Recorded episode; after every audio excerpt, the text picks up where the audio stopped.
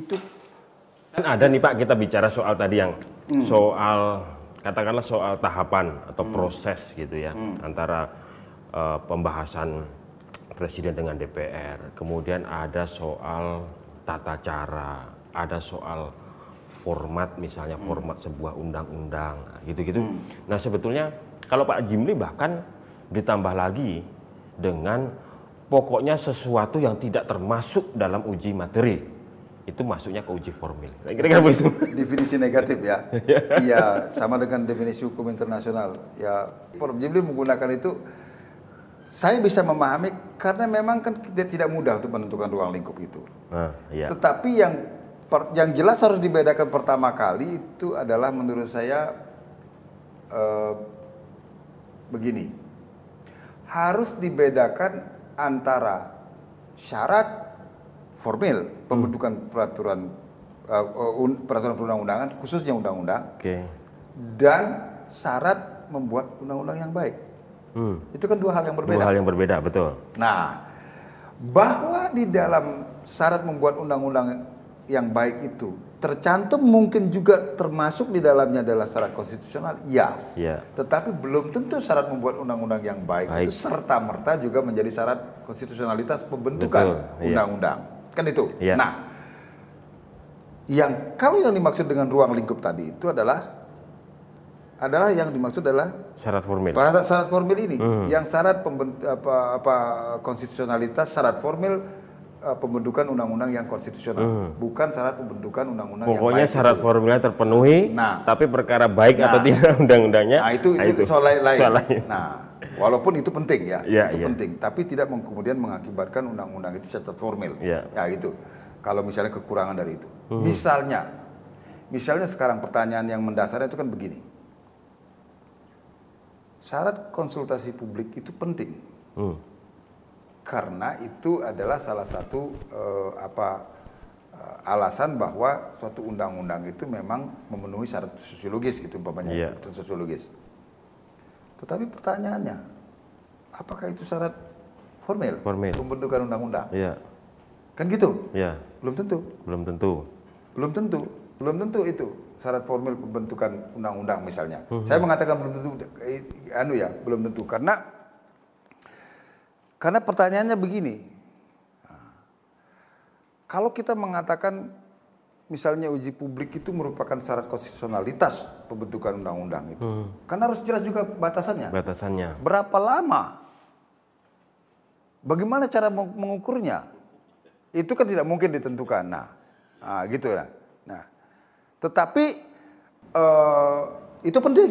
Itu penting. Itu penting Betul. untuk membuat satu undang-undang yang benar-benar apa mananya apa people based gitu ya. Iya, partisipatif. Ya, ya, partisipatif dan sebagainya. Nah, itu adalah eh, memang eh, di- penting bagi lahirnya satu undang-undang. Tapi apakah itu serta merta kemudian juga menjadi syarat formil pembentukan undang menurut saya enggak. Nah, Hmm. oleh karena itu saya ingin mengatakan begini, memang tidak mudah Tidak mudah. untuk menentukan syarat formil pembentukan undang-undang yang dikatakan konstitusional. Mengapa tidak mudah? Karena juga kan tergantung pada jenis undang-undangnya juga. Bisa berbeda loh. Iya. Misalnya undang-undang untuk apa? Undang-undang untuk APBN ya, itu secara teoretik maupun praktek itu sat- adalah satu-satunya undang-undang yang syarat pengajuannya harus dari Harus eksekutif, presiden, ya. bukan dari DPR. Betul. Nah, pertanyaannya sekarang, ketika misalnya DPR mengajukan itu, itu menurut syarat atau enggak?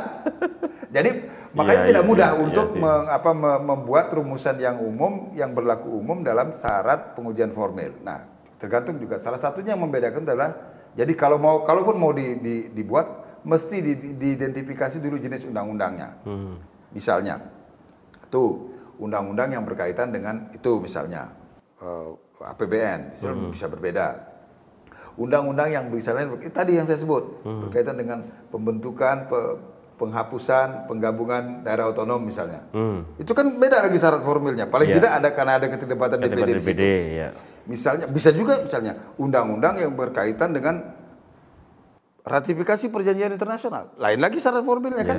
Ya, ya. Ah, jadi tidak tidak tidak mudah untuk membuat satu rumusan yang berlaku umum dan sama untuk semua undang-undang. Tapi ada satu prinsip yang mungkin menyatukan mereka. Nah, itu yang penting. Nah, demikian juga undang-undang yang yang lain misalnya. Misalnya, dulu orang mengatakan bahwa omnibus law itu adalah uh, uh, produk negara-negara common law atau negara-negara yang menganut tradisi common law. Iya. Tapi ternyata kan belakangan enggak juga. Banyak negara yang anu uh, sebagai metode ya. Iya. Sebagai metode misalnya anu uh, uh, uh, yang namanya omnibus law itu juga diterapkan di negara-negara uh, penganut tradisi civil law. Nah, Nah, untuk metode omnibus kan bisa lain lagi syarat ininya. Karena apa? Seperti namanya, namanya omnibus dia seperti omnipora, pemakan segala gitu kan. Jadi kalau omnibus kan seperti bus yang mau memasukkan semua jenis angkutan di situ. Iya. Kambing mau masuk di situ, barang mau masuk di situ, manusia mau masuk di situ. Jadi semua. saya ingat bus tahun 60-an dulu ada namanya nggak boleh nyebut ini lagi ya. Ah, ada satu bus tahun 60-an yang ada tangga di, di punggung itu naik ke atas. Iya, iya, iya, di iya, belakangnya iya. ini yang jendelanya masih di- bisa dibuka. Anu gini itu kan. Kalau hujan ditutup gini jeglek kan jendela anu itu. Nah, itu kan ada anu naik ke punggungnya. Di atasnya apa? Isinya ketela, bisa misal bisa isi kayu bakar Pisang, atau anu, bahkan binatang kambing segala macam. Nah, di, di, di, di tengahnya baru bus. Inilah omnibus sebenarnya. Omnibus kan. law ya. Untuk omnibus law tentu juga berbeda syarat formilnya dengan undang-undang yang non omnibus, gitu kan? Nah, itulah sebabnya memang memang tidak mudah. Oleh karena itu maka cara paling moderat menurut saya kalau menentukan eh, syarat formil itu adalah memang suka atau tidak harus case by case. Case by case ya. Harus case by case. Tetapi yang jelas yang tidak boleh ditinggalkan oleh mahkamah menurut saya adalah apa pun jenis undang-undangnya yang itu ketika orang berbicara tentang pengujian formil jangan pernah keluar dari prinsip-prinsip yang terkandung dalam gagasan konstitusional democratic state. Harus dari situ mulai Iya. pikiran mendasarnya. Betul. So kalau tidak begitu nanti tersesat nanti kita. Kalau sekedar demokrasi formal gitu atau anu yang ah, ini ya, ya kalau sudah dibahas di DPR itu kan ah, absen sudah terpenuhi dan sebagainya. Kan cuma sampai di situ lalu Iya, ininya iya. sudah nggak ada persoalan gitu. Tapi itu apakah itu match ah, bertemu nggak dengan gagasan konstitusional demokratik state belum tentu. Nah, ini memang tantangan buat mahkamah. Saya pun belum tergambar bagaimana itu nanti, tapi mungkin ya kita berandai-andai dan sekaligus berharap ya. Iya. Tapi saya yakin suatu ketika mahkamah akan me- me- akan merumuskan itu. Paling tidak nanti dorongan-dorongan dari para akademisi misalnya, entah yang keluar lewat karya tulisnya atau lewat keterangan keahliannya misalnya di hadapan di hadapan mahkamah. Atau lewat media anu uh, forum-forum uh, akademik yang lain. Itu kan sebagai salah satu sumber juga. Yang akan menjadi bahan dari mahkamah eh, untuk merumuskan eh, misalnya eh, syarat atau katakanlah eh, parameter eh, dari pengujian formil.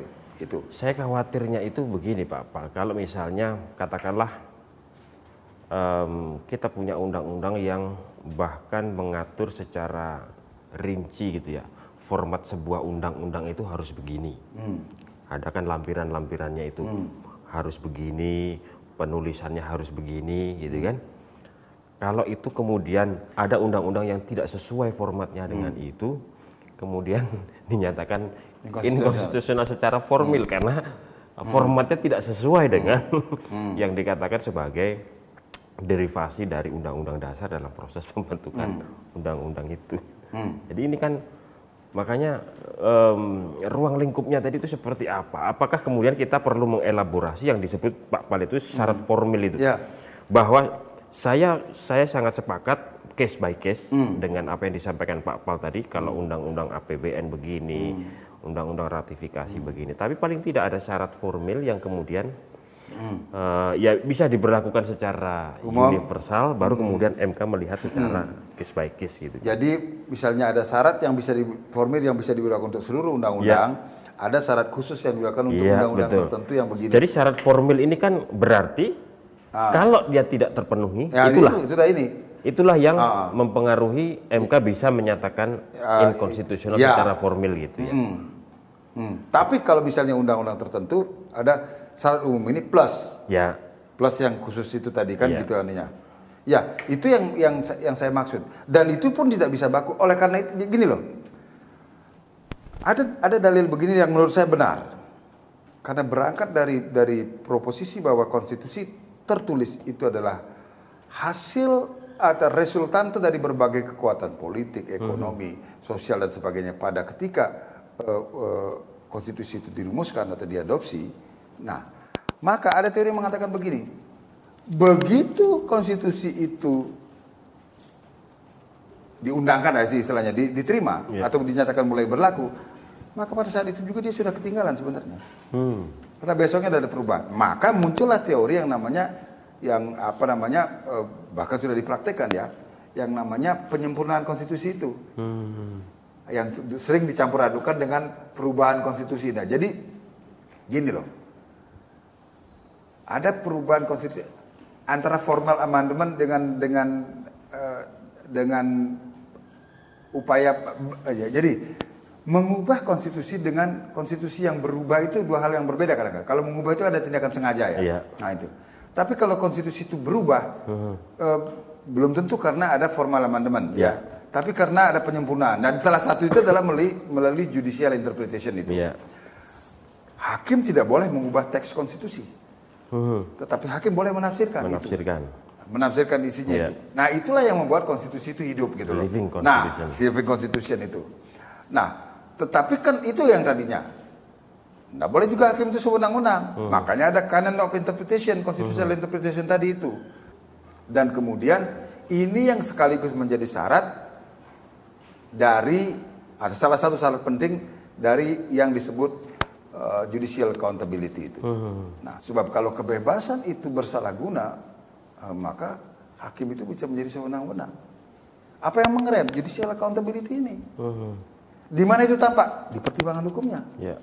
Makanya saya sering mengatakan di pertimbangan hukum itulah akan terlihat putusan yang baik itu bagaimana. Hmm. Karena di situlah mahkamah misalnya kalau kalau misalnya dalam pengujian undang-undang atau dalam peristiwa yang lain, di situlah sebenarnya ruang mahkamah untuk membuat penafsiran konstitusi itu ada di situ. Iya, iya, iya. Maka nah, ya kamu kan boleh disertasi itu kan. Iya. Pertimbangan hakim itu mengikat enggak gitu kan. Kalau dikatakan nggak mengikat bagaimana? Bagaimana? nah, nyatanya dalam praktek juga itu diterima kan. Iya, betul. Banyak kok yang misalnya per, apa putusan mahkamah itu amarnya menolak tapi pertimbangannya memuat hal itu dan kemudian digunakan. Iya. Nah, kan gitu kan? Betul. Nah, itu itu itu banyak kemudian terjadi. Itulah Mengapa begitu? Karena dia itu memang memang bagian yang tidak terpisahkan dari amar putusan. Amar itu kan hmm. ujungnya. Hmm. Untuk tiba pada amar itu adalah itulah yang namanya. Dan di situlah juga pertanggungjawaban hakim itu. Itulah hmm. yang disebut judicial accountability. Salah satunya ya, ya, ya. bukan satu satunya, tapi salah satu judicial accountability itu ada di sana. Nah, itu maka maka menjadi sangat penting uh, ketika hakim membuat uh, pertimbangan hukum yang yang uh, yang apa namanya yang mencerminkan benar-benar penguasaan ya syarat dari hakim konstitusi itu yeah. menguasai ketatanegaraan itu kan konstitusi yeah. dan ketatanegaraan itu ya tampak mesti di pertimbangan-pertimbangan hukumnya itu terus betul, betul. apalagi dalam kasus-kasus yang dalam tanda petik fundamental gitu ya yeah. nanti ada pula kasus yang tidak fundamental gimana ya maksudnya ya uh, ya yang kalau di negara lain disebut sebagai semacam landmark decision gitu kan nah itu situ pertimbangannya memang harus uh, matang gitu ya, ya. Pak kalau um, tadi pertimbangan hukum uji uji formil undang-undang itu case by case gitu hmm. gitu ya melihat kasusnya hmm. melihat perkaranya seperti apa um, boleh juga dong berarti uh, antara misalnya ada satu perkara diputus seperti ini hmm. dengan pertimbangan tertentu hmm. nanti di putusan yang lain pertimbangan lain. Ini yang saya mau katakan. Kalau suatu kali mahkamah sudah membuat dalam pertimbangannya bahwa pengujian form itu adalah seperti ini, nanti ketika di berikutnya, jika dia jenis undang-undang yang sama atau dalam tanda petik hmm. segolongan dengan pertimbangan itu, ya harus berlaku dong itu. Harus berlaku. Harus berlaku itu. Ya. Nah, nah, maka dalam pertimbangan nanti mahkamah harus mengatakan ketentuan ini adalah berlaku untuk undang-undang pada umumnya. Nah, oleh karena itu maka pertanyaan berikutnya yang harus dipertimbangkan oleh mahkamah, apakah ketentuan yang sama serta merta juga berlaku untuk undang-undang yang akuo, mhm, misalnya, -huh. yang sedang diuji oleh mahkamah saat ini? Yeah. Nah di situ ada pertimbangan tersendiri. Berhubung undang-undang yang sekarang ini adalah bukan sekadar undang-undang, tetapi adalah omnibus law, Hmm. maka pertimbangan mahkamah tidak serta merta bisa diberlakukan untuk itu. Iya, iya. Harus ada begitu. Nah, nanti dia akan turun lagi putusan mahkamah ini. Oh, untuk omnibus law ternyata begini ukurannya. Nah, ini akan nanti dijadikan ukuran bagi pengujian formil undang-undang yang menyangkut omnibus law. Iya. Berarti nanti ak- akan banyak apa? Iya. Banyak model gitu ya. Itu yang Banyak- saya anakan. Dan Kalau undang-undang ini begini, Iya. kalau undang-undang begini, dan Nah. ini dirujuk gitu Ya ya. itu akan dirujuk. Misalnya untuk undang-undang uh, APBN bagaimana? Hmm. Untuk pembentukan pemekaran pemecahan daerah itu gimana? Iya, Atau ada iya. undangnya. Itu akan menjadi rujukan. Nah, suatu ketika misalnya bisa juga mungkin mahkamah nanti akan mempertimbangkan putusan mahkamah itu adalah dibuat ketika situasi dalam masyarakat pada waktu itu adalah tren pembentukan misalnya daerah tidak bisa lagi dihindari gitu misalnya gitu ya. Maka pertanyaan sekarang, apakah terdapat kan mahkamah sering mengatakan itu, apakah terdapat alasan mendasar bagi mahkamah untuk mengubah pendiriannya? Hmm, Iya. Boleh saja kemudian berubah. Tapi mengapa berubah itu harus dijelaskan di sana. Harus dijelaskan. Nah, itu yang diinikan. Iya. Jangan tiba-tiba berubah tapi nggak ada penjelasan gitu. Gazebo namanya itu gak jelas kok gitu kan. Nah, itu yang nggak boleh. Ya, uh, jadi dinamikanya itu di sana sebenarnya. Iya. Kalau kita pelajari putusan-putusan Mahkamah Agung Amerika Serikat sering kok dia berubah. Hmm. Tapi di- mengapa dia berubah itu jelaskan. Anda bayangkan. Ini yang sering saya jadikan contoh. Sangat sering bahkan. Tapi hanya untuk me- me- memang memang niatnya memang untuk sebagai apa namanya argumentasi akademik dan memang itu eh, ke- kejadiannya. Bayangkan Mahkamah Agung Amerika Serikat pernah membuat putusan yang mengatakan bahwa pemisahan sekolah atas dasar warna kulit itu tidak bertentangan dengan undang-undang dasar sepanjang diperlakukan sama. Iya. Prinsip separate but equal itu yang tadi itu kan separate but 8, equal. ya 1894 dalam kasus Plessy versus Ferguson gitu ya. Hmm. Dan itu kemudian baru berubah 180 derajat berubahnya tahun 1954 ketika Hmm. terjadi kasus Brown versus Board of Education. Berarti kan puluhan tahun itu. Puluhan tahun. Nah, itu bukan sekedar puluhan tahunnya, Iya. tetapi berubahnya itu yang diterangkan di dalam Iya, iya. di dalam pertimbangan hukumnya mengapa dia berubah itu. Artinya ada argumentasi wajar lah kemudian Iya. kalau dalam jangka waktu puluhan tahun itu kemudian ada perkembangan-perkembangan hukum baru. Dan Yang menjadi pertanyaan itu kalau cepat-cepat berubah gitu. iya, dan tidak ada pertimbangan. Ah, iya. Itu. Dan tidak ada pertimbangan. Jadi yang saya mau katakan itu dua hal yang tadi dengan contoh tadi itu. Iya. Amerika Serikat adalah salah satu negara yang menganut tradisi common law, di mana di negara-negara yang menganut tradisi itu sangat biasanya sangat strict menerapkan prinsip presiden atau stare decisis itu Iya. atau res judicata itu. Jadi dia akan biasanya akan merujuk pada putusan pengadilan sebelumnya mengatakan begini udah kasusnya case close gitu ya. Karena putusannya sudah ada gitu ya. Tetapi bukan dia tidak boleh mengubah presiden boleh. Tetapi itu syaratnya tadi. Jadi di negara yang menganut prinsip presiden begitu ketat saja maka putusan hakimnya boleh berubah kok soal konstitusionalitas. Iya. apalagi kita yang tidak menganut prinsip presiden yang seketat itu gitu ya. Nah itu satu. Yang kedua perubahannya bukan sekedar perubahan yang apa namanya bukan perubahan yang artifisial bukan perubahan-perubahan kecil. Ini perubahan mendasar. Iya. 180 derajat bertolaknya dari inkonstitu jadi dari tidak bertentangan dengan undang-undang menjadi bertentangan. Iya. itu itu kan anunya lalu apa yang kemudian membenarkan perubahan itu? Pertimbangan hukum tadi. Iya. itulah pentingnya pertimbangan hukum tadi itu yang itu. Jadi lagi-lagi kita memang harus eh, apa namanya eh, memusatkan perhatian kepada pertimbangan hukum. Makanya tolonglah. Jadi saya sering menolak untuk memberikan wawancara kepada media dan sebagainya. Iya. karena acap kali saya didadak diminta komentar. Gimana Pak? Mahkamah Konstitusi memutuskan begini. Berikan saya waktu untuk membaca pertimbangan hukumnya dulu. Saya belum baca. Iya, iya, iya. Nah, saya khawatir. Itu mohon maaf ya mungkin karena terpengaruh gaya ngepop atau karena terpengaruh gaya medsos sekarang ini yang ingin serba cepat gitu kan. Iya.